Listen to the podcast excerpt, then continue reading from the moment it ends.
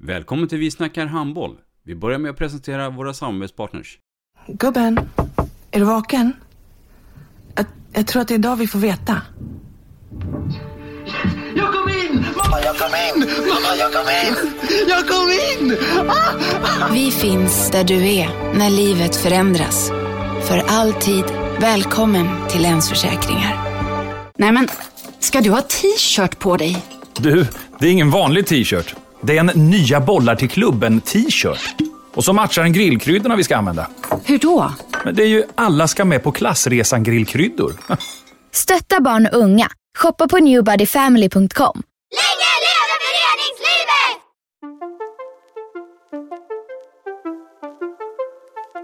Välkommen säger vi till dig som lyssnar till den bästa handbollspodden. Vi snackar handboll med Robban Z och gäster. Vi snackar handboll, där du får veta alla sanningar som du inte visste att du missat. Vi snackar handboll.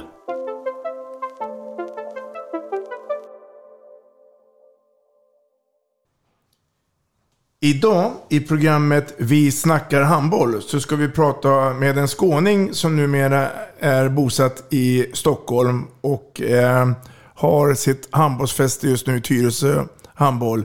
Mycket, mycket varmt välkommen Kristoffer Karlsson. Tack. Kristoffer Karlsson, född 27 juli 1988. Vem är det? Ta oss från början nu. Ja, var ska jag börja? Jag... eh, Börja med familjesituationen och hur allting började nere i Skåneland. Min familjesituation är att eh, jag, eh, ja, jag har en mamma, jag har fyra syskon. Alla är yngre. På min egen front så har jag en son. Han är fyllde nio för ett par dagar sedan. Eh, Jag började spela handboll i Ystad IF. eh, Kunde man varit eh, C-pojk på den tiden. Mm. Åttaåring då. Ja. eh, Varför just Ystad IF? Och Alltså- varför just handboll? Jag vet, mina kompisar i skolan spelade och då tänkte jag, men det låter kul, jag åker med och testar på. Eh, vilket gjorde att eh, på den tiden så ville man ju, egentligen ville man ju spela i det laget som låg högsta serien och i det fallet var det IFK Ystad. Men eh, eftersom min, alla mina kompisar spelade just i IF så var det mer naturligt att börja spela där. Eh, och då var vi ett gäng från lilla Köpingebro, där jag kommer ifrån, från början. Eh, som åkte tillsammans och sådär och det var träningar två, tre dagar i veckan liksom. Och det var föräldrar som var tränare och jag som, eh, vi gick till ICA-cupen, hette det då, steg, eh, ja, sista finalsteget där och då spelade ju killar och tjejer var för sig och vi spelade vårt i Mön- i Mönsterås då. Vi hade en väldigt bra spelare i alla fall som hette Oskar Karlén som var med oss och spelade. Han var bara med på Jo själva, tack, det vet vi. själva eh, sluts, eh, ICA-cupspelen liksom. Ja. Eh, sen så, vad ska jag säga, det föräldrar som var tränare, eh, sönerna fick spela mycket och jag tröttnade lite på det och valde då att byta till IFK Ystad som A-pojk, förstaårs A-pojk. Jag hade hört mycket gott om dem och det var många som välkomnade när man var nere och tränade. Eh, Just övergången mellan Ystad IF och IFK Ystad var kanske inte på den tiden jättepopulär eftersom det var ändå fortfarande ungdomar som Är det vi var. lättare idag tror du? Idag är det mycket lättare tror jag. Jag tror att i och med, i och med skillnaden på föreningarna, ekonomin och alltihopa så tror jag att det accepteras mycket, mycket mer och det är mycket enklare. Eh, jag tror, kollar man en sån som Jim Gottfridsson som gick när just IFK Ystad åkte ur kontra till just IF då som låg i högsta serien. Så att jag tror att i år är det mycket, eller nu är det mycket enklare. Eh, så som första års A-pojk gick jag till IFK Ystad eh, där faktiskt fick spela mycket och, och mina tränare uppskattade mig. Och en av de tränarna är faktiskt en god vän till mig då, han heter Torbjörn Rasmusson. Ehm, Vad hade vi för position på plan på den tiden? ja, jag var mittsexa, var jag. Eh, jag jobbade inte mycket med Med spärr. den lilla kroppen ja, som du med har den nu. lilla kroppen. Eh, Den var ännu mindre då kan jag tala om för dig. Ja. Eh, jag jobbade inte mycket med spärrspel utan jag var mer en som gillade att söka egna luckor och eh, kliva in i de luckorna själv och få Mm. inspelen. Eh, ett duktigt lag. Vi gick till steg fyra i A-pojks SM då. Jag tror, jag vet inte om det hette A-pojk fortfarande då eller om det hette ICA-cupen. Eller om det hette ICA-cupen fortfarande. Sen, hette, sen kom ju ungdoms-SM. ja, precis. ja. Eh, gick till steg fyra, spelade i Skövde mot HK Country bland annat. Då hade man en sån här playoff-match. Eh, inför, alltså avgörande då. Och vi hade lite otur för att det var, vi hade två, fick två stukade fötter på uppvärmningen på eh, bollar som rullade. Och eh, tyvärr så fick vi väl respass då mot, eh, jag tror det var Country faktiskt som eh, tog den platsen. Det var ett duktigt 88-lag. Var du ledsen då? Ja, men det är väl klart att det alltid är tråkigt, men sen samtidigt så solen gick upp, gick ju upp dagen efter igen. Liksom. Eh, Men just där och då var det ju extremt tråkigt. Vi avslutade den resan, eh, IFK A-pojk, med att eh, avsluta med en träning, eh, den här turneringen i Tjeckien. Det var en häftig resa som vi, Under påsken där? under påsken där ja. Eh, Det är saker där som vi kanske inte behöver nämna i den här podden. Blev det en tjeckisk öl också? Ja, det kanske vi kan. Ja. Men du, Kristoffer, var det självklart att det skulle vara handboll? För att jag tror också att det finns lite andra sporter i din CV. Ja, så är det. Eh, nej, det var inte självklart. Eh, min morfar han eh, var väldigt duktig i fotboll. Han spelade i division 1 i, när det var som högsta serien. Eh, så det var inte självklart med handboll. Så att jag kombinerade handboll och fotboll när jag var yngre. Och när jag då slutade med handboll för att jag, jag blev lite... Jag, blev lite... Ja, jag tröttnade. Jag tränade fyra, fem pass i veckan som junior. Då hade vi Ramon Laurén som tränare. En jätteduktig tränare. Men jag kände att det var för mycket för mig. Eh, och eh, valde då att spela fotboll. Och visst, eh, man kan säga vad man vill, men jag spelade fotboll i de lägre divisionerna. Division 5 var väl det som högst liksom. När det gått två år så åter, ring, ringde en kompis och frågade om jag ville spela lite på skoj i division 3 i, i Tumlele IF. Och, eh, jag tänkte, ja men det kan jag göra. Eh, två träningar i veckan, inga måsten, inga krav, match, hemmamatcher fredagkvällar. Ja, ja, men det kan jag väl göra. Eh, det var i samband med eh, gymnasietiden och studenten och sådär. Så att det, det passar mig jättebra liksom. Du, Kristoffer, eh, skolan då? Ja. Var det eh, det Idrott, bästa du visste då på den tiden? nej, idrott var ju mitt... Eh, idrott var ju det starkaste ämnet vi hade. Eller jag hade. Jag tror att jag har... Idrott i LSA hade jag G och sen gick det bara från till idrott i LSA B, VG och sen kategorin bollspel var MVG. Så att eh, idrott var, var ju det Och, och de andra ämnena då? Var det mest... Mediokra. Ja. Det var godkända ämnen i alla fall. Och, och mamma och pappa då? Vad sa de då? Eh, under den tiden så hade tyvärr mina föräldrar skilt sig så att jag bodde mycket hos min mamma och var mycket hos min mamma. Eh, och är fortfarande när jag är hemma. Eh, ja, vad sa mamma? Hon sa inte så länge du är godkänt så är det det som är det viktigaste. Liksom, Så att du kan göra det du vill göra sen. Men, men fick du sköta det mesta själv? Eller var Ja. de med och curlade dig? Att nu åker vi på träning och hej och hå. Nej, alltså Ystad är så litet så att eh, det var så här att eh, jag kunde gå hem efter skolan, gymnasiet, kunde gå hem till Niklas Ekberg till exempel och, och käka några mellanmål och för sent ta mig till träning. Han bodde ganska nära skolan. Eh, annars så cyklade jag hem eh, och sen cyklade ner till träningen. Det är inte så stort Ystad vilket gör att man kan ta sig med cykel ganska, ganska eh, så eh, bra. Men när jag sen började i Tumlilla så fick jag lösa skjutsen med, med kompisar runt omkring eh, som eh, bodde i Ystad också. ja. Ja. Okej. Men sen var ju mina föräldrar var med när vi spelade handbollsturneringar. Alltså spelade vi spelade den här Skadevik Cup till exempel, då var de där uppe och kollade innan de skilde sig. Spelade vi eh, eh, det här Mönsterås så var de med där och sådär. Så de var mycket med och kollade. Och min, jag vet varje hemmamatch var till exempel min farfar där och kollade. Han gick liksom dit och kollade. Min morfar han är ju då IFK-are vilket gjorde att han var ju inte på IFs matcher så det är lite sådär. Rivalitet. Ja, precis. Av den gamla skolan. Den här mittsex Karlsson då? Blev du mittsex hela tiden i din karriär? Nej, det, nej. Jag, först, alltså min första var ju att jag var ute på nio meter och sen så blev jag bara inputtad på mitt sex. Eh, sen har jag väl typ spelat överallt utom målvakt. Det gör man inte frivilligt. Nej, det, Ställer sig målet. nej verkligen inte. Det gör ont. Ja, det, Du nämner att Ystad är ganska litet. Mm. Men handbollsmässigt så är du betydligt motsatt, alltså motsatt stort. Och då undrar man ju, hur kan det komma sig? alltså jag, handbollen är så stor för att jag tror att många väljer att spela handboll eftersom det är en, en bra sport. Eh, kollar man kontra så fotbollen i Ystad är ingenting om man jämför med handbollen. Eh, och många som har spelat handboll vill att deras barn ska göra det, vilket gör att de föds in i handbollseran så att säga. Eh, sen kan jag tycka att ja, det är lite för stort att ha två elitserielag eller handbollsligalag i Ystad. Eh, för att kon konkurrensen om spelare det finns liksom inte på det sättet. För alla vill egentligen spela i den klubben som är störst. Och Ystad IF är ju den största klubben. Eh, Det ser man ju nu senast med SM-guldet.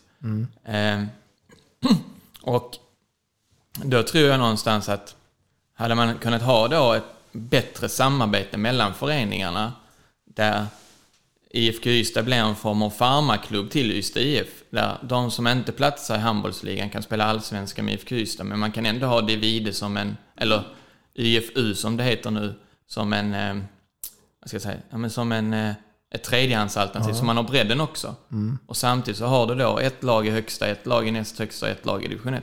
Tycker du att båda klubbarna och föreningarna har varit dåliga på att ta hand om de här tredje och fjärde valspelarna? Att de, det blir mer eller mindre att de får slutar.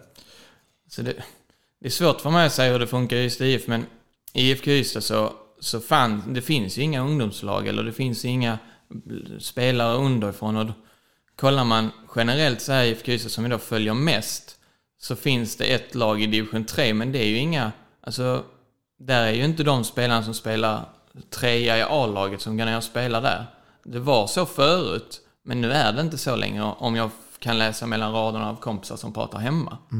Och det kan jag tycka är lite synd för att även om du tränar med ett bett, alltså med högre serie så måste du få din matchtid för det är där du utvecklas också. Eh, Så att, ja, jag tycker väl någonstans kanske att IFK Ystad i så fall är de som är lite sämre på att ta hand om, om sina ungdomsspelare, eller sina tredjespelare som vi kallar det då. Eh, Ystad IF har ju svårt att sätta mig in i för att jag, jag kan inte så mycket om deras verksamhet. Men vi kan säga så att båda, båda klubbarna betraktas som också som ungdomsföreningar. Men sen är det lite skillnader när vi börjar bli lite äldre. Ja, ja, ja, det är det väl. Jag vet inte om man kan betrakta IFK Ystad som en ungdomsförening just nu, för det finns inga ungdomslag. Det finns, jag tror de har ett ungdomslag. Eh, och det, det, det gör lite ont i... Jag, är ju ändå, jag vill ju ändå framhäva att jag är IFK Ystad-produkt, ja. trots att jag inte är det. Eh, men, men det gör ju ont i, i mitt hjärta att eh, de, det inte finns den... Eh, vad ska jag säga, den återväxten till IFK Ystads A-lag som det en gång fanns. Eh, och det är likadant, Ystad IF har jättefina kullar men, och sådär liksom, men, men, och stora säkert, men, men IFK Ystad har inte det. Och det, det, det, det är lite synd. Skånelaget, 88-årgången. Mm. Var den bra? Det vet jag inte. Jag var, jag var inte med där faktiskt. Eh, jag var inte själv någon stjärna så att jag, eh, jag var inte med där. Jag vet att eh, eh, jag vet att Niklas Ekberg tror jag inte heller var med i Skånelaget för 88 och Kolla vilken karriär han har idag. Liksom. Vi har ju olika vägar att gå där. Jag Ja. t- tänkte på det, eh, efter grundskolan så blev det gymnasium. Mm. Hur tänkte du då, vid den tiden av livet? Apropå det här med att kanske inte vara världens bästa skolelev. Eh, alltså jag vill ju, någonstans är min dröm att vara polis. Eh, och då tänkte jag att ja, men jag pluggar någonting som jag kan göra dels direkt efter gymnasiet, att jag kan jobba direkt efter gymnasiet också. Så jag slipper, eh, slipper plugga vidare. Eh, Då valde jag barn och fritidslinjen för jag har alltid varit intresserad av, av, eh, av att jobba i, i skola och sådär. Men sen samtidigt så hörde syven som jag hade i nian sa att men det är en lätt väg att ta sig till polishögskolan när man jobbar med människor. Eh, Så att, eh, och den drömmen ligger fortfarande kvar att vara polis. Eh, Sen så att den skjuts varje gång eftersom handbollen tar mycket tid. Och jobba som polis och jobba skift, det funkar ju inte att vara handbollstränare på elitnivå då. Därav att jag valde barn och fritidsprogrammet på Ja, gymnasiet. ja. Ehm, Den här resan som eh, du håller på med tog ju en annan väg. Du väljer sen att lämna Skåne för att flytta upp till Stockholm. Mm. Det är också en resa i sig. Berätta. Eh, alltså det började med att min kompis skulle plugga på folkhögskola. Eh, och han, eh, ska jag säga, han, han visste att om jag pluggar i Ystad så kommer jag inte komma upp på morgonen. Han var väldigt morgontrött och det var jag också. Så att, men han var väldigt morgontrött och då började jag väl någonstans där. Så vi tog bilen och åkte till Örebro och kom inte in. Då kom han inte in där för att man ska vara skriven i Örebro. Och då hade han släktingar här i Stockholm vilket gjorde att han tog sig den vägen upp och blev inskriven på folkhögskola här. Och då hamnade, vi, då hamnade han ute på Lidingö. Och då sa jag att ja, men jag, jag är utbildad i barnskötare, jag söker ett jobb och så flyttar jag upp bakom efter liksom. Så jag sökte jobb som en galning och eh, fick ett jobb ute på Lidingö på en förskola. Eh, och eh, började, flyttade vi upp. Eh, vi kom hem på fredagen och sen söndagen veckan efter så eh, flyttade jag upp till Stockholm. Mm. Då hade jag spelat, hunnit spela två handbollsmatcher på fredag kväll och söndag eftermiddag innan jag flyttade hit. Okej. Men eh, jag tänker på den tränarrollen då, karriären då. När började den komma in i, i din handling? När jag, var, när jag bodde hemma i Ystad fortfarande så hjälpte jag till på, det hette bollskolan då, Mm. eller Boll och lek, eh, med en äldre herre som heter Göran. Eh, och sen... Eh, Frågade han dig om du ville vara med och hjälpa till? Eller? Nej, jag var mer intresserad. Mm. Eh, och, och sådär. Och sen så var det yngre och yngre ungdomar. Det var mer så här, man lekte handboll och, och sådär liksom. Och det passade bra i och med att jag gick barn och fritidslinjen på gymnasiet så passade det jättebra. Mm. Eh, sen så eh, hade jag min gamla tränare Torbjörn som frågade om jag ville hjälpa till lite med 92orna som han hade tagit över då. Eh, Jim Gottfridsson som var med där bland annat.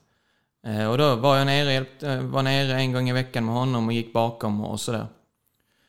Eh, så där och då tänkte jag väl inte mycket på ledarbiten utan det var först när jag började plugga på Bosön som jag började tänka på ledarbiten i stort. För att, att plugga på Bosön är, folk tror att det är så mycket mer än bara att plugga upp, som jag gjorde då, betyg. Men det handlar mycket om kontakterna man får. Eh, vi pluggar jättemycket ledarskap och, och sådär. Och det, det väcktes väl en tanke där samtidigt som att jag skadade mig efter, inför ett kval när jag spelade handboll själv. Så skadade jag mig i foten och Och då spelade du AIK på den då tiden? spelade jag AIK. Mm. Eh, och då kände jag någonstans att kan jag dela ut av det jag har lärt mig, eller det jag har fått lära mig? Och så växte det och det växte och samtidigt som jag då inte orkade rehab om man får säga så, för att eh, jag kände väl någonstans att min handbollspikade karriär är väl på nedgång ändå. Och eh, då var det faktiskt en kompis som hörde av sig som också pluggade på Bosön, eller hade pluggat, och frågade om jag ville assistera honom i Västermalms damer i division 2. Ja, tänkte jag, men det kan jag göra. Jag kan vara där två gånger i veckan, det är inga problem. Liksom. Eh, Så på den vägen är det faktiskt. Eh, Som det växte framförallt här på Bosön. Det var extremt lärorikt. Mm. Mm. Hur många år var du på Bosön? Två. Två år. Mm. Och i takt med att du sa tack och hej då till eh, AIK på grund av den skadade foten. Har, har du sedan dess inte spelat någonting? Eller har du gått in i något eh, motionsgäng? Ja, Jag har ju... Jag spelade någon säsong, eller en halv säsong med Stockholmspolisen. Eh, division 5 tror jag. Mm. Och sen gjorde jag...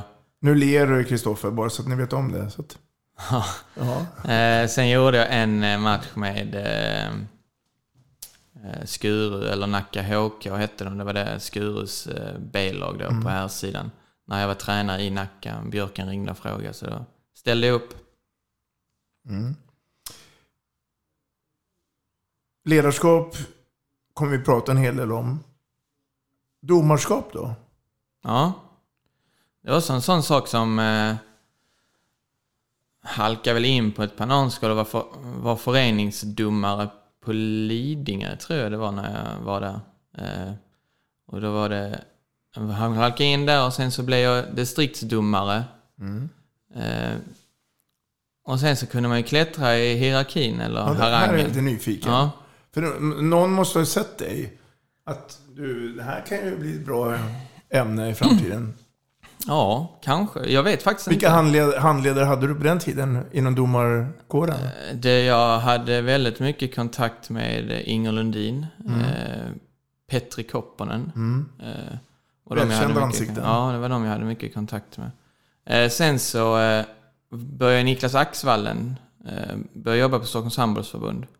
Och då eh, blev han någon form av lite mentor kan man väl säga, utan att han själv vet om det. Mm. Eh, utan han var en person som jag faktiskt, eh, när det gäller domarskap, lärde väldigt mycket av. För han hade själv dömt och, och Mm. dömde fortfarande. Så vi dömde ett par matcher tillsammans och tyckte att det funkade jättebra. Sen så hade jag min kollega, han hade sin kollega, men jag tog åt mig av allt som Niklas snappade upp. Liksom. Mm. Allt som han sa. Eh, och eh, man kunde ju klättra i hierarkin och då, eller i harang. Och eh, jag eh, valde då att fortsätta den biten och blev till slut eh, regionsdomare tillsammans med en annan kollega som hette Mikko Hein. Mm. Han la senare av och så fick jag en ny kollega som hette Fredrik Jakobsson. Eh, Sen så eh, när vi skulle gå, sen blev vi faktiskt uppflyttade till förbundsdomare. Mm. Men då valde jag att hoppa av. Men, men på den nivån då, då var, var pengen viktigt då? Eller var det mer intressant det här med eh, ledarskapet och, och, och mm, även domarskapet? Så pengarna var inte viktiga i sig. Eh, utan det var ju det här domarskapet att kunna leda. Eh, men framförallt så var det ju handbollen som var viktig. Mm. Man hade ju fortfarande anknytning till handbollen trots Mm. att du var domare. Mm. Eh, och Tycker, tycker du do- domeriet tog lika mycket tid som att vara ledare och tränare? ja, absolut. Mm. Det gjorde det. Eh, det var ju det anledningen till att jag slutade var ju för att jag skulle inte... Jag skulle inte kunna hinna med allting. Eh, och då fick man välja vad tycker jag är roligast just nu. Eh, och i den situationen, så när jag valde att sluta så hade ju... Då ringde ju Niklas Blomgren från Nacka. Mm. Och då var det enkelt val att sluta. Mm. Jag tänker mig lite grann, eh, vi kommer ju komma in då i, i den moderna eh, tiden. Mm. Eh, men du hann också med när det gäller en liten klubb ute på Södersidan, Handen. Mm. Berätta under den tiden, hur hamnade du där? Eh, jag träffade de här 98 tjejerna i handen träffade jag på Stadium Sports Camp eh, när jag var ledare. Och då, ja, de pratade om sin tränare och sen så, eh, så eh, träffade jag faktiskt deras tränare på sån här handboll i Kungsträdgården som de hade. Eh, och eh, då började vi prata lite och eh, sen blev vi faktiskt ett par. Hon är mamma till mitt barn. Mm. Eh, och då hjälpte jag henne där ute lite med 98-kullen i handen. Eh, och var samtidigt då i Västermalm division 2. För att han, han som var huvudtränare, han flyttade hem igen till eh, Karlskrona där han kom ifrån. Så helt plötsligt stod jag med ett huvudansvar där också. Det var inte riktigt så som du hade tänkt dig. Nej, det var det inte. Men eh, löste väl den situationen och hjälpte även Sandra då i, i handen där eh, en, två gånger i veckan. Eh, väldigt så här eftersom det var handbollsfamilj, vi var handbollsfamilj liksom. Eh, sen så eh, bestämde jag mig att jag kan bara ha ett uppdrag för att det tar för mycket tid. Och då ringde, eller då hade de ett par föräldrar i 00-kullen då som eh, hörde av sig och frågade om jag kunde tänka mig att träna Handens 00 Jag var ju redan i föreningen och samma Glenn Gustafsson frågade också och då sa jag, ja men det kan jag göra för att då har man ändå en, kan man ändå sätta en röd tråd från 98-99 ner till 00. Det var 2-3-99 och sen var det 00 och det var 98 liksom. Eh, vilket vi eh, skulle göra men alla 98 de försvann eller Ja, Frida Rosell gick till Skogås, eh, Moa Björk gick till Skogås. och Skogås var ju bra på den tiden. Mm. Eh, Det var ju ett av Sveriges bästa 98-lag. Mm. Så att det var väl inget konstigt, men kvar stod vi med ett 99-00-lag i alla fall. Mm. Och där... Och de flesta var då 00 där i Ja, de laget. flesta var 00 Det var 14 tjejer som spelade handboll. Och ett par mil söder om där så tänker jag på Sorunda. Ja. De eh, var Också bra. Också väldigt bra. Ja.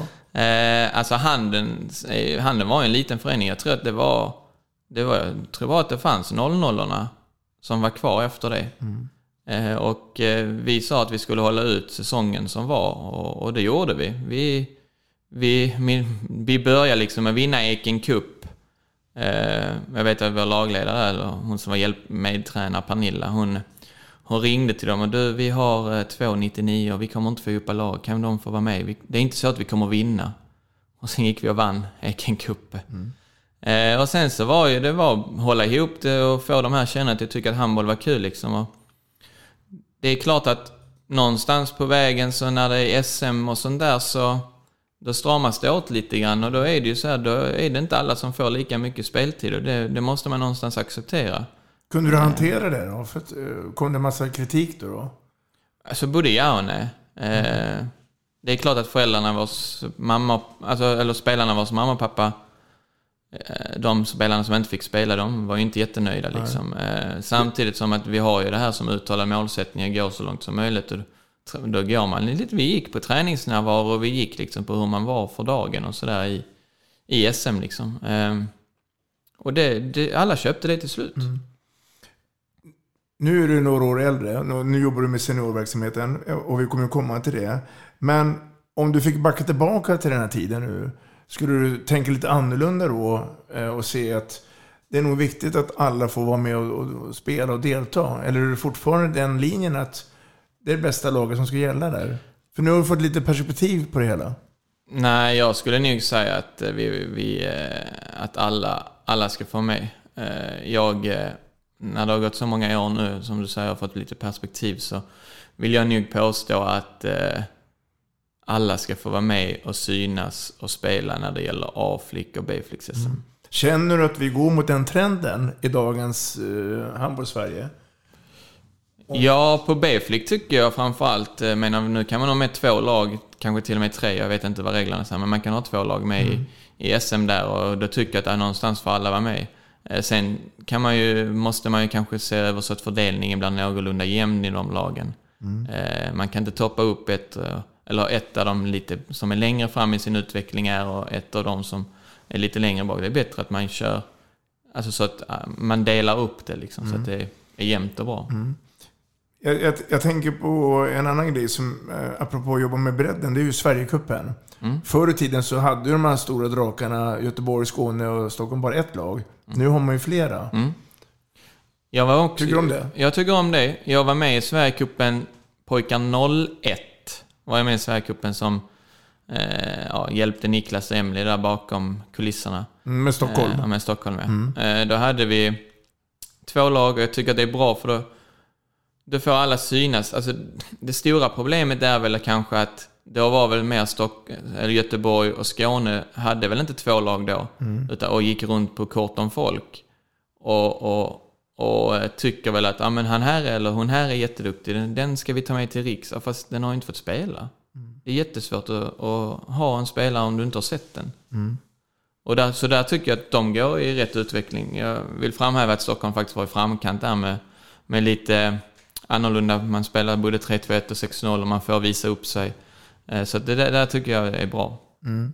Och framförallt för ungdomarna. Alltså, alla vill ju bli bra, men sen, sen den vägen, bara för att man inte är med i ett eh, distriktslag eller eh, regionslag eller vad vi nu ska kalla det, så betyder inte det att du kan bli en fantastisk handbollsspelare bara för det. Alltså, bara för att du inte är med där. Det är lätt i teorin att säga det, men i praktiken verkar det vara något annorlunda där. Men, men det kanske är så att vi är för dåliga på att sälja ut budskapet till alla spelare. Ja, Eller kanske vi är på, bli, på väg att bli bättre. det är, Svårt- För det kanske svara på, men ja, men det är svårt att säga, men jag tror nog att om man lägger den vikten vid, vid när man gör själva uttagningen och förklarar att, och tar några exempel. Jag vet att vi, när vi eh, skulle ta ut ett lag, eller två lag blir det då, till, eh, till Sverigecupen, då var det liksom, vi förklarade då att, ja men, Niklas Ekberg gjorde inte heller det, Tobbe Karlsson tror jag inte heller gjorde det. eller Stefan Stefan Löfgren spelar Löfgren. inga uh, Nej men precis. utkamper. Så det fanns ju liksom, det fanns ju, så sätter man bara så konkreta exempel så kanske spelaren förstår, okej men om jag, om jag hänger i lite till och jag tränar lite bättre eller jag arbetar mer med det här och skickar med vad de ska arbeta med. Så tror jag någonstans att då kommer vi ha spelare som på sikt blommar senare. Kolla Martin Blomqvist till exempel. Han var inte med i distriktslaget. Kolla hur bra han är idag.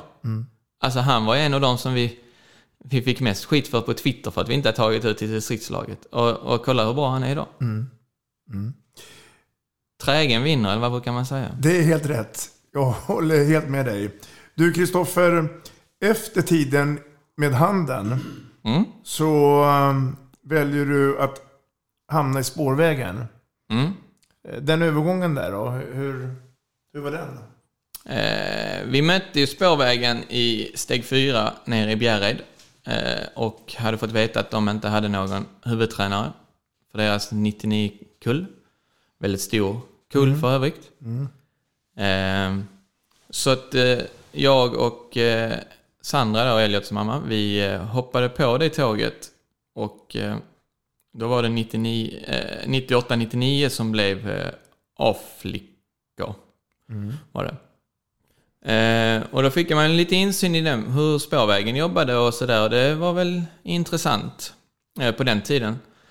Ehm, eh, jag var där bara ett år. Eh, det var väl i sam, samma veva så blev det schism hemma och, och sådär liksom. Så det var väl inte världens lättaste och roligaste. Det var en utmaning med andra ord. Ja, det kan man lugnt säga. Ja.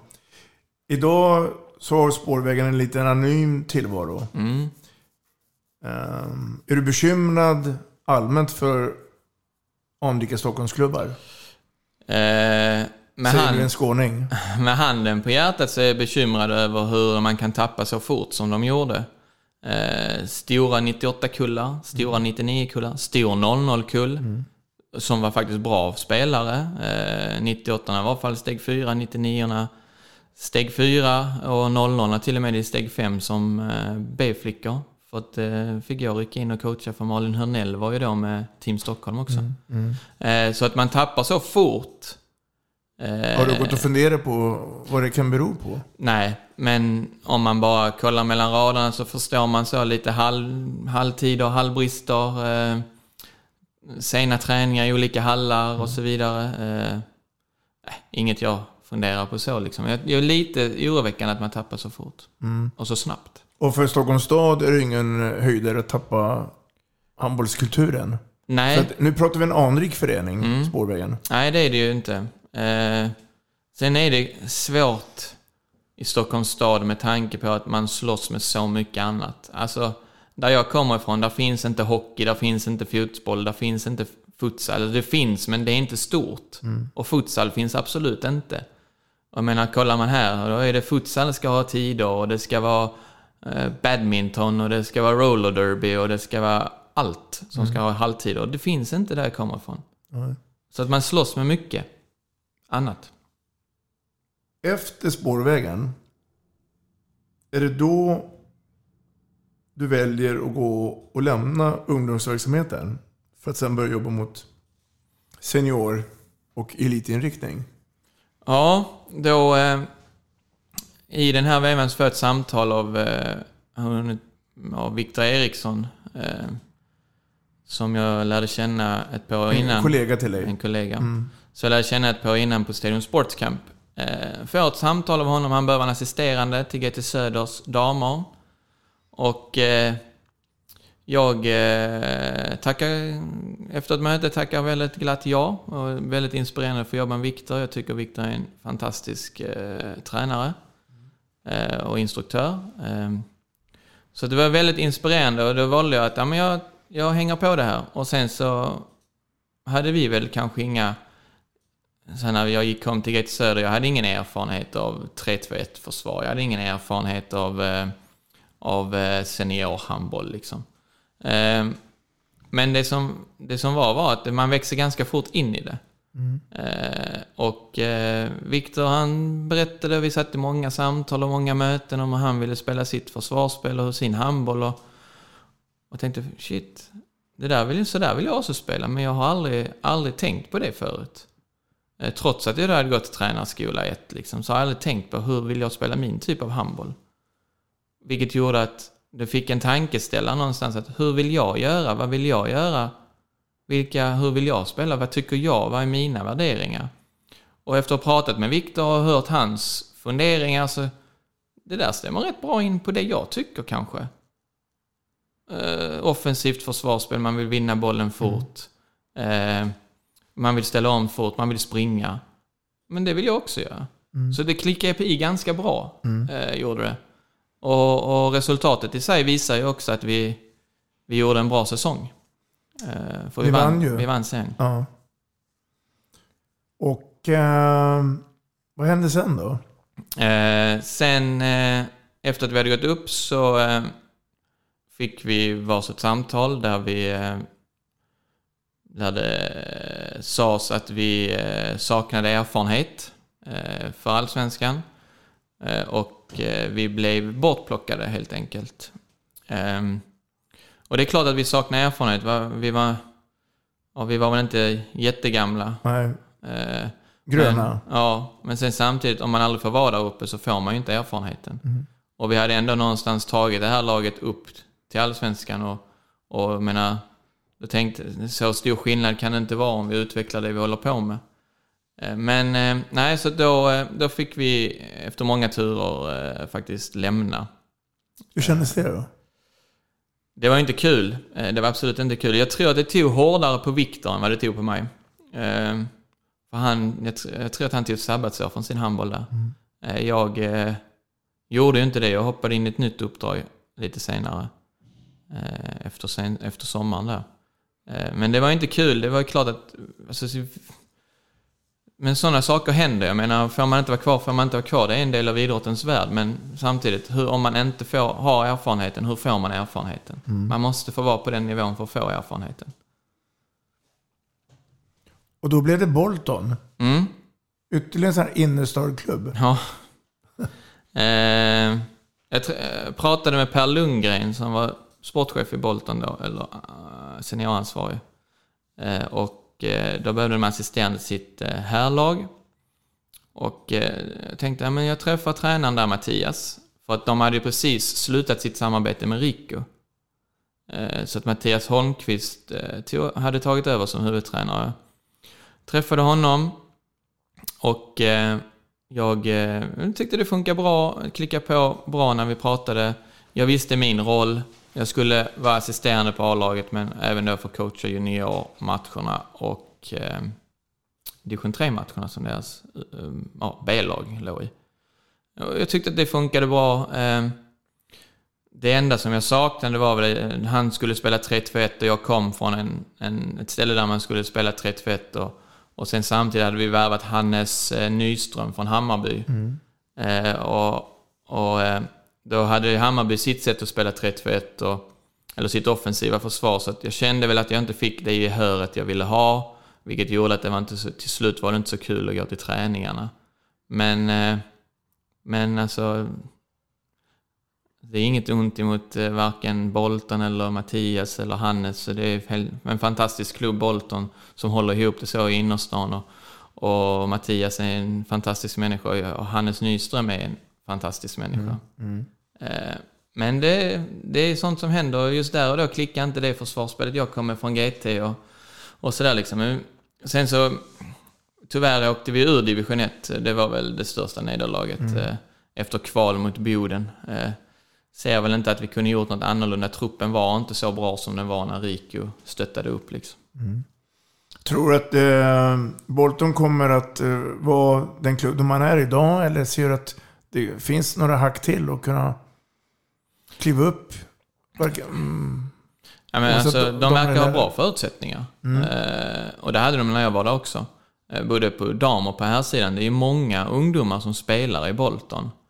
Eh, så att... Eh, ja, de har ju Skanstullshallen, den verkar ju de få ha själva. Vilket gör att eh, på sikt kanske de har ett allsvenskt lag på damsidan. Eh, om det är så att de här kullarna växer och man tar hand om de egna spelarna. Liksom. På bekostnad av andra klubbar i Stockholm? Eh, nej, det tror jag inte. Nej. nej. Ja. Du får ett nytt samtal efter Bolton. Ja, jag eh, stod i valet och kvalet om jag skulle ta en paus eller inte. Och då var då jag återigen var inne, hade dömeriet som gick upp på förbundnivå. Jag får ett samtal av Niklas Blomgren eh, som då var i Nacka, Nacka Skure. Och eh, han kom hem till mig och hade en presentation om hur Nacka skulle bedrivas och hur Nacka skulle vara och vad Nacka är och vad Skuru är. Och det fick mig att fundera så att jag sa till Niklas att jag återkommer och jag började tänka och den största funderingen var, kan jag bedriva och döma samtidigt som jag coachar damer division 1? Eh, kan jag bedriva förbundsdomarbiten på den sidan? Eh, kom fram till att det kan jag inte, för att jag kan inte vara i Boden på lördagen och sen åka döma i Mantorp på söndagen. Eh, vilket gjorde att det valet blev enkelt och föll bort om jag då måste jag välja någonting. Mm. valde då att bli tränare i Nacka HK som de heter. Eh, vilket eh, gjorde att dömeriet föll bort. För att annars hade jag aldrig varit hemma. Eh, hade aldrig haft den tiden med min son som jag har. Eh, så det var familjesituationer och det var relationer som gjorde att eh, dömeriet faktiskt försvann. Och samtidigt som jag tyckte då att min tränarkarriär kanske tog fart här nu med, med Nacka. Nu ändå pratar Skuru, pratar Nacka, vi pratar liksom en av Sveriges bästa klubbar på damsidan. Mm. Vem hade ansvaret för eh, Skurus damer den tiden? När jag eh, träffade Niklas så var det inte klart. Eh, men eh, det blev Mats Kardell mm. som hade eh, Skurus damer. Mm. Han du jobba tajt med honom? Eh, jag påstår ju att jag tyckte att jag fick ut mycket av samma, alltså Mats samtal och bra samtal med honom. Eh, sen så, ja, jag kollade på deras träningar men jag var inte med så när det gällde kring A-laget utan jag mm. satt och kollade. Jag har tagit vissa övningar på mina träningar idag som jag har från Mats och, mm. och vissa saker som jag tyckte att Mats han sa som var bra som jag har tagit med mig och, och sådär liksom nu när jag är där jag är idag liksom. Mm. Eh, sen samtidigt så jag tyckte att jag hade bra samtal med Mats, och ett par bra samtal med Kalle och, och, och framförallt med Foppa som målvaktstränare i Skuru. Mm. Och, och, den bilden du fick av Niklas då när han presenterade hur Nacka HK är och vad man står för. Um, höll den planen? Eller? Den höll, eh, gjorde den, fram till att eh, vi skulle gå upp med Nacka HK Allsvenskan. Mm då eh, försvann det lite grann. Då blev det mer resultat. Alltså, visst, det var resultat i division 1, men vi hade jobbat jättemycket med utveckling. Jag hade med mig min assisterande tränare som än har god kontakt med idag, som heter Rickard Andersson. Mm. Eh, och eh, vi jobbar jättemycket med utveckling och eh, framförallt med utbildning av spelare. Eh, vi gjorde det i Allsvenskan också, men inte på samma sätt, för då blev det mer resultatinriktat. Mm. Eh, och, och sen så Tyvärr så försvann väl spelare på vägen vilket gjorde att den här eh, satsningen med allsvenskan någonstans försvann. Mm. Men de två åren i division 1, både med Rickard och då med Viktor som kom in andra året när vi gick upp, eh, tyckte jag att där, där utbildade vi bra handbollsspelare.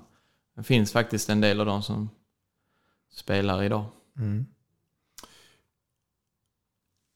Då kommer vi fram till eh,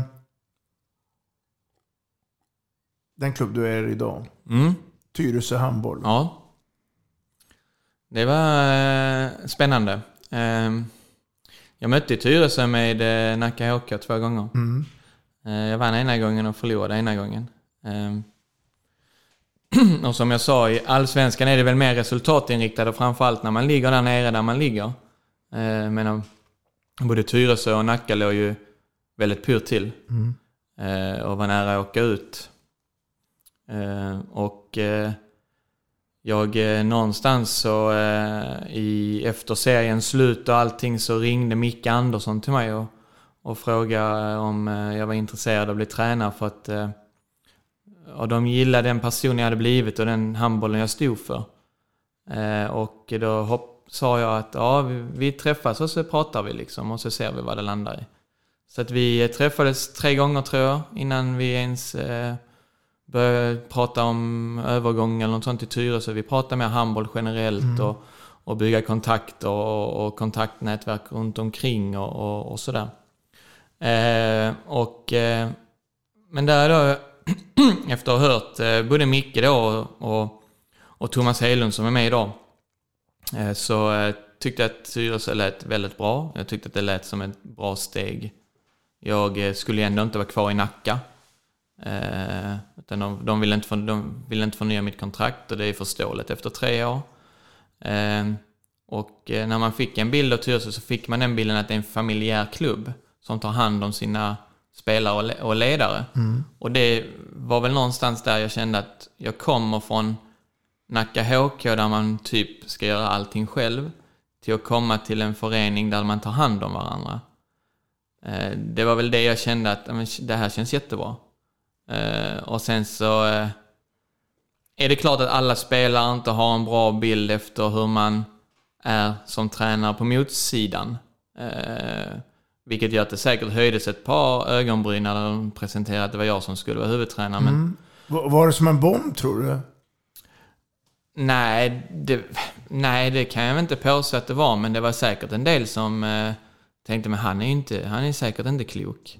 Alltså, jag har ju bara sett han hur han är på motståndarsidan. Men sen samtidigt så jag, jag skyddar ju mina spelare i vått och torrt och jag, jag, jag vill ju att mina spelare, att det ska vara jä- jämnt i, i de flesta grejerna och, och jag skyddar ju som sagt mina spelare eh, väldigt, väldigt eh, mycket. Eh, och eh, det är någonting man ska veta att när jag kommer som tränare så har, då kommer jag stå bakom mina spelare. Eh, när det gäller handbollsbitar på planen. Eh, men det kanske inte de förstod då, men de förstår det idag. Nej. Du är inne på det kommande tredje året. Mm. Eh, om du gör en sammanfattning då på de här två åren nu. Vad, vad, vad tycker du har blivit den stora förändringen? Eh, den stora förändringen från första året, eh, om vi pratar rent, om vi går tillbaka och pratar det senaste året, så är det att vi har en grupp som jobbar tillsammans. En grupp som vill mot samma, strävar mot samma. En grupp som är eh, men som har, eh, vad ska man säga, hum humanisk, alltså som, som vill åt samma håll. Eh, och som, där vi inte har några spelare som, där vi inte har någon storstjärna utan all, vi är ett kollektiv. Eh, tråkigt kanske, men så är det. Och, eh, och samtidigt som jag har fått sätta min prägel på Tyresö Dam eh, med eh, hur jag vill spela handboll som vi kan göra ännu bättre förhoppningsvis till nästkommande år.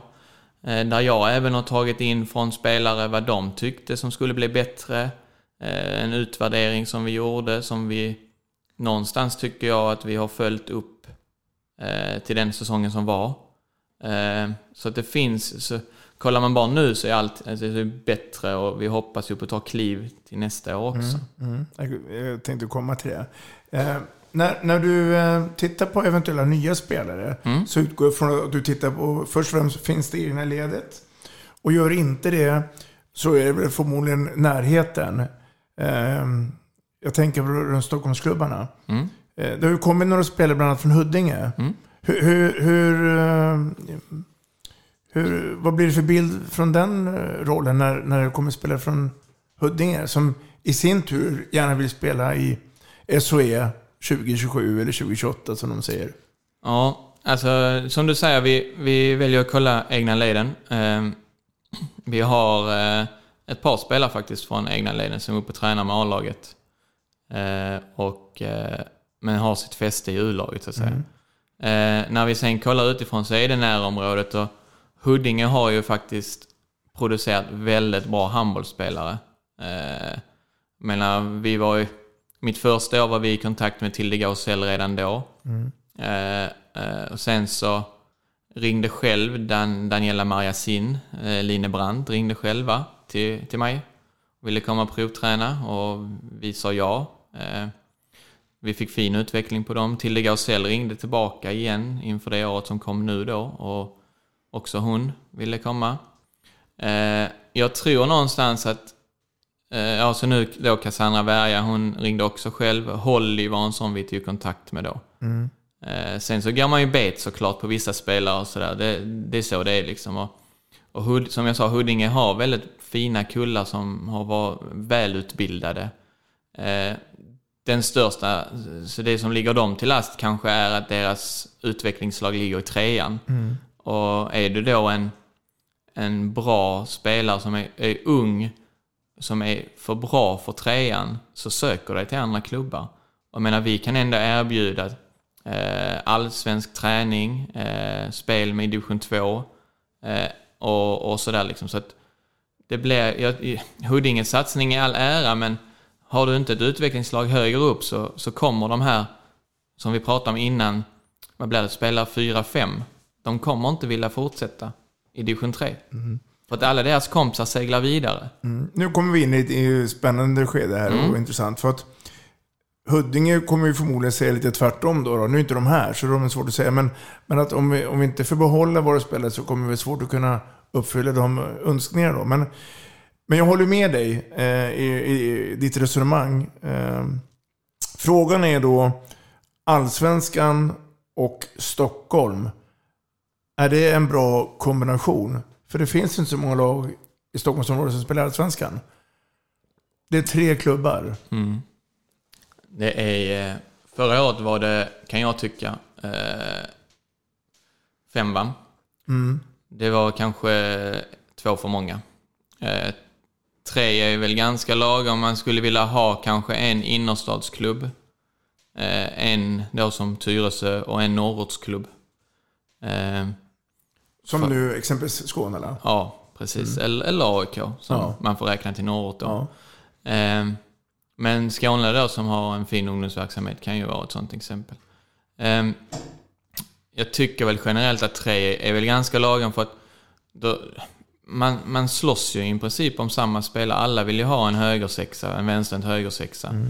Alla, alla vill ha en höger, vänsterhänt högernia, så det är ju så det är. Och, och fem klubbar som ska slåss om, om spelare i Stockholm där, där spelarna faktiskt flyr Stockholm. Det är ju lite... Alltså det är ju det är för mycket. Eh, kan man ha en innerstad, en då i öst-söder och en då i norr, så tror jag att det kan bli mycket mer. Alltså mycket bättre.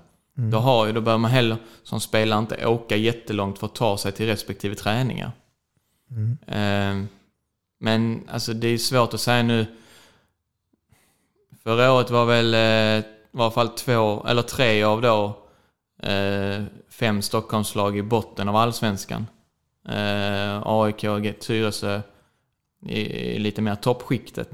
Eh, till nästa år är det jättesvårt att säga. Jag vet inte var AIK står, jag vet inte var Skånela står. Jag vet någonstans var vi står. Mm. Eh, och det är så det är. Vad har Tyresö för uttalat mål när det gäller representationslaget? Tyresö de ska på sikt, eller vill på sikt spela eh, SHE. Eh, vi vill också eh, med eh, ha, ha mycket egna produkter. Vi har en del redan idag, men vi vill ha ännu fler. Eh, annars så ska det ju vara spelare från närområdet. Mm. Men på sikt vill Tyresö spela SHE. Det var ju hyfsat nära i fjol. Mm. Det var inte så långt efter. Nej, nej, det var nära skjuter ingen hare, eller vad säger Nej, man? så är det. Eh, tyvärr så hamnar vi väl i, i en, i en eh, formsvacka i fel period om jag säger så. Man kan, kan absolut förlora matcher men man kanske inte kan förlora... Alltså man kan absolut förlora mot Hallby och, och de som vann serien men det är svårt att förlora när man förlorar mot Eslöv eh, hemma till exempel med en... Eh, AIK var också en sån exempel på där vi kanske borde varit lite bättre. Eh, men det är lärdomar. Jag menar, många av spelarna är ändå unga. Alltså, vi har många på ni- 00-talet till exempel. Vi har kanske en handfull bara som är födda på 90-talet. Och den mixen är också så här att man lär sig och de yngre tar nya steg, de blir ett år äldre i år. Eh, och sådär. Så att, ja, ska vi någonstans säga om framtiden så räknar vi kanske att vara i samma placering. Ja. Tycker du att Hallby var rättvis vinnare? Var de det bästa Eh. laget? Eller har du någon annan åsikt? Alltså, över sikt så har ju Hallby varit i toppen i, i två år nu. Så att eh, man får väl ändå säga att det var det laget som var bäst när det gällde. Eh, sen så finns det ju lag där jag tycker som skulle presterat bättre med det materialet man har och så lag som skulle gjort det bättre med det, med det materialet man har så att säga. Eh, jag tycker Aranäs utmanade ju Hallby men de var ju inte i närheten av vad de var året innan när, när Kärra de slogs liksom. Eh, så att, eh, och Boden likadant, de skulle ju tillbaka men men det gjorde de, de kom ju inte, kom ju inte upp igen liksom. Och, och äh, Aranäs är ju egentligen nära att gå upp till SHE efter det här kvalet mot Eid. Eller Mm. tycker du inte det? Eh, och nej. Jag eh, läste faktiskt en artikel eh, från Norra Halland där Rustam berätt, eh, hade sagt att det här var SHE mot Allsvenskan och då hade de väl fått stryk med 10 tror jag. Mm. Eh, så att nära och nära, ja. Det, man ska, mm, det jag tror alltså på sikt om man ska ta sig upp, det, det är ju att ha de här kvalmatcherna som Aranäs har fått nu. Jag tror att till nästa år så är det deras år, om de får behålla spelarna. Eh, och jag tror någonstans att ska man, ska man vinna allsvenskan och vara beredd för SHE så, så måste du ligga i toppen av allsvenskan ja, men två, tre år så som Hallby gjorde. Eh, och ha någonting som utmärker sig. Och jag menar deras offensiva försvar utmärkte sig, det var ju... Och de har många bra spelare. Du, du nämner att behålla spelarna. Jag vet att du eh, har ju sagt eh, också att eh, du tycker att spelarna borde hålla på längre. Mm. Kan du utveckla det lite grann? Eh, jag... Eh, eh, det var mitt första år i, eh, i eh, Tyresö så hade vi Kärra i serien till exempel och Kärra hade ju väldigt duktiga 02 eh, Sen rätt eller fel att det är för tidigt att ta upp dem och, och spela första fioler på, eh, på nio meter eller mittsex eller vad det nu än är. Det kan inte jag svara på men jag tycker någonstans att vi ska ha spelare som är äldre och håller på längre. Jag menar, vi har bara i Tyresö idag så har vi Olivia Svalstedt, Julia Lönnborg, Hanna Hellström. Eh, ska se, här har vi någon mer som är född på 90-talet. Eh, Sabina Ingesson. Och då, då pratar vi 93, 92, 98 och eh, 95. Och, och vi saknar de spelarna, men det finns ju inga.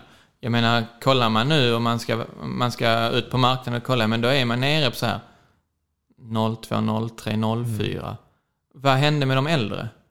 Uh, spela handboll och jag vill ju inte vara på den nivån att du vill satsa. Nej men gå ner och spela då i division 2 så att du håller igång, alltså så att du får handbollen. Men vill satsa fullt ut. Jag menar kolla i... Men det är inte många lag i SHE heller som har, eh, har äldre spelare. Men, men eh, man pratar ju nu om att, att eh, det är mer vanligt idag än vad det var tidigare att eh, handbollsspelare på, på damsidan då bli mammen och sen så kommer de tillbaka igen. Men skulle du kunna tänka dig att ringa upp sådana spelare som har slutat på grund av exempelvis att eh, bilda familj och säga du är inte sugen på att komma igång igen? Eller är det då att det är lättare att titta på 03 som spelar eller 04? Det är alltid lättare att titta på de som spelar fortfarande. Eh, sen så hade, du, hade man kommit tillbaka, alltså om du då har varit mamma och kommer tillbaka och, och som Bella Guldén eller Jamina Roberts eller sådär. Det är klart att då hade man ju kanske tittat lättare där. Det är ju svårare att ringa upp någon som har blivit mamma. Hon kanske valt att sluta själv. Det vet man ju inte heller. Eh, Men det är lättare alltid att ringa till de som man faktiskt ser spela handboll, typ dagligen. Och det blir ju då 02, 03, 04, 05. Ett tips kan ju vara att titta på lite gamla U-landslagsuppställningar. Ja, Och, och se om det är någon som, som eh, har spelat men har slutat. Och ändå vill jag komma tillbaka igen. ja. Ja, det är en god tanke i alla fall. Eh, Kristoffer, Allsvenskan 2022-2023. Mm. Hur tror du att den kommer se ut och vara? Den kan- Kvalitetsmässigt. Kvalitetsmässigt så eh, kommer det väl vara... Eh, alltså allsvenskan är svår, alla slår ju alla. Eh, Och dessutom ska du ner till din moderklubb. ja, Som är nykomlingar. ja. Vad säger du om den utvecklingen då? Eh, jag tycker att det... Alltså när... när jag vet att vi brukar prata om det här ibland med, med eh, när vi åker iväg på resa. Att så fort de här lagen som har eh, spelare i, i högsta serien på här sidan så fort de eh, sticker, eh, vad ska man säga, ger pengar till damsektionen så kommer de höja sig. Och det kommer vara så att eh, Ystad IF kommer spela i SHE på sikt. Du tror det? Ja, det tror jag absolut. Det finns eh, goda resurser där, framförallt nu när de har öppnat upp ett nio också. Så, men sen måste du få ta den tiden det tar. Jag menar, nu tog det lång tid för dem att, i och för sig två corona i år, eller ett i varje fall, så, innan de tog sig upp till, eh, till eh, allsvenskan. Men allsvenskan är ju tuff och jag menar, alla slår ju alla och det var som jag sa precis att, att man måste vara i toppen i varje fall ett par år tror jag, innan man är redo att ta det där klivet. Man kan Mm. inte heller bara värva in spelare som, som ska ha jättemycket betalt, för då försvinner ekonomin till slut och sådär. Mm. Så att eh, det kommer en jämn, jämn allsvenska som vanligt. Jag tror att det kommer skilja sig lite från... Eh, Kommer den domineras av Skånelagen? Helsingborg, Eslöv, Ystad? Eller? Det tror jag inte. Jag tror att eh, Kärra, Aranäs, eh, Boden eh, kommer ligga där, topp tre. Eh, jag tror väl att eh, vi kan väl sprattla till och vara med i topp fyra i alla fall. Eh, sen så kommer det vara lite Skånelag där på vägen och eh, sen kommer lite längre ner tror jag tyvärr att eh, ett Stockholmslag kommer hamna. Mm, mm. Om vi sitter om om något år igen, Mm. tror du att vi kommer upprepa det vi säger då? Att eh, Stockholmslagen är efter? Och hur i så fall ska de komma närmare? För det, det är ju ingen rolig syn och statistik att titta på. Det är det inte och eh, Stockholm skulle behöva ett SHE-lag till. Eh, just med tanke på att man ser att de här som... mm, Man ser många spelare som försvinner ut till andra SHE-klubbar. Eh, bara för ett par år sedan var det Isabella Andersson till exempel och sen nu i år har vi Cornelia Dahlström. Mm. Eh, om vi tar dem som exempel. Stockholm hade mått bra, eller Region Öst om jag säger så, hade mått bra av ett SHE-lag till. Just för att Eh, vill man, alltså, Skure är Skure, det är toppen i Sverige. Eh, men Stockholm behöver inte ha ett lag till som är toppen i Sverige. Det kan vara ett topp 8, absolut. Och det skulle vara roligt om det blev Tyresö. Det skulle absolut vara. Eh, sen kan det vara vilka som helst, men absolut, eh, då ska det också vara en förening som är en förening som har en fungerande ungdomsverksamhet. Mm. Som är där och slåss eh, om topp 8-platserna. Eh, det jag tror är att Stockholm skulle må bra av det just för att man får kanske behålla de här spelarna ytterligare lite längre i Stockholm. Mm. Nykomlingarna då i Allsvenskan? Mm. Örebro, Ystad. Mm. Eh, ser du det med tillförsikt? Ja, jag, eh, jag vet inte. Alltså Örebro, det känns som att de har värvat eh, jättemånga nya spelare. Eh, rätt eller fel, det kan ju inte jag säga, men eh, någonstans så var det väl eh, ett lag som spelade upp dem och då kanske man ska även behålla de spelarna. Eh, det är vet- din grundsyn? Ja, jag vet ju själv hur det kändes när jag blev bortplockad från GT Söder, liksom, även om det var tränaruppdrag. Eh, eh, sen grundsyn och grundsyn. Jag, jag kan ju tycka att eh, har man fått spela upp ett lag så utveckla de spelarna så att de blir bättre. Sen så säger inte jag att Örebro gör något fel, det är inte så jag menar. Eh, de har säkert sin tanke och Ystad IF vet jag har sin tanke. Och, och eh, det ska bli spännande i alla fall. Försäsongen då? Gör Mm. du en annorlunda upplägg än de tidigare två säsongerna? Vi eh, har gjort lite annorlunda nu för att nu har vi Eh, nu in, om man pratar innan sommaren så arbetar vi jättemycket med eh, försvarsspelet som vi vill eh, eh, eh, sätta. Eh, och sen så eh, väljer vi att jobba i, eh, här efter sommaren lite anfallsspel och så här. Vi har även vävt in lite anfallsrörelse i så det har varit lite annorlunda. Samtidigt som vi har eh, har eh, alltså, dra igång tidigt för att kuppen här är ju runt hörnet liksom. Mm. Du tänker på Svenska cupen? Ja, precis. Mm. Så vi drar igång ganska tidigt. Vi drar igång redan 25 juli. Mm. Men då börjar vi ju så ha tester och sådär liksom. Mm. Och sen har vi, går vi på fyra handbollspass direkt liksom. Vill du gärna lägga fysen under din, din kontroll eller lägger du över ansvaret på spelarna? Vi har faktiskt en eh, fystränare som eh, lägger över det på, så spelarna kör. Eh, han har daglig kont- han Det är har skönt kontakt med Det är jätteskönt. Ja. Det är, fysen är inte min grej. Nej. Eh, likadant som målvaktsbiten är inte min grej. Där har vi faktiskt en jätteduktig eh, målvaktstränare i Patrik Hermansson. Mm, mm. Du, ehm, om du får en chans att hamna utomlands Mm. som tränare, Mm. skulle du ta den då? Eh, det skulle jag absolut. Ehm, Eller känner du nu att du eh, jag kommer förbli vara en stockholmare? nej, det, det kommer jag inte vara. Jag... Eh, får jag en chans att flytta utomlands så kommer jag göra det. Eh, sen ska det klaffa i livet och det ska eh, klaffa på alla plan liksom. Men eh, får jag en chans så kommer jag eh, absolut att flytta utomlands. Och vilket land vill du hamna i? Får man drömma rent sådär så hade ju ett eh, lag som eh, Gör eller Bukarest varit eh, kul att, vara i. Samtidigt som att Danmark är ju nära hem till Ystad om jag säger så.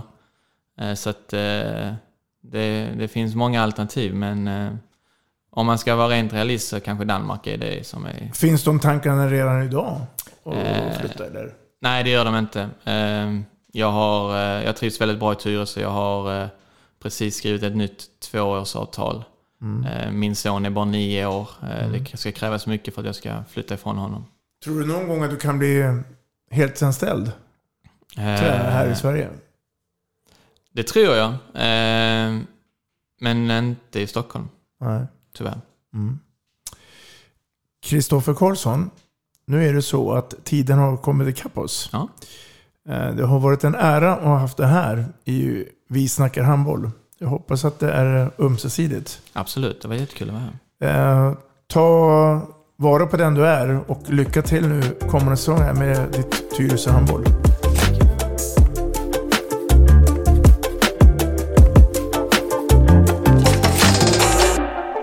Vi snackar handboll, där du får veta alla sanningar som du inte visste att du missat. Vi snackar handboll.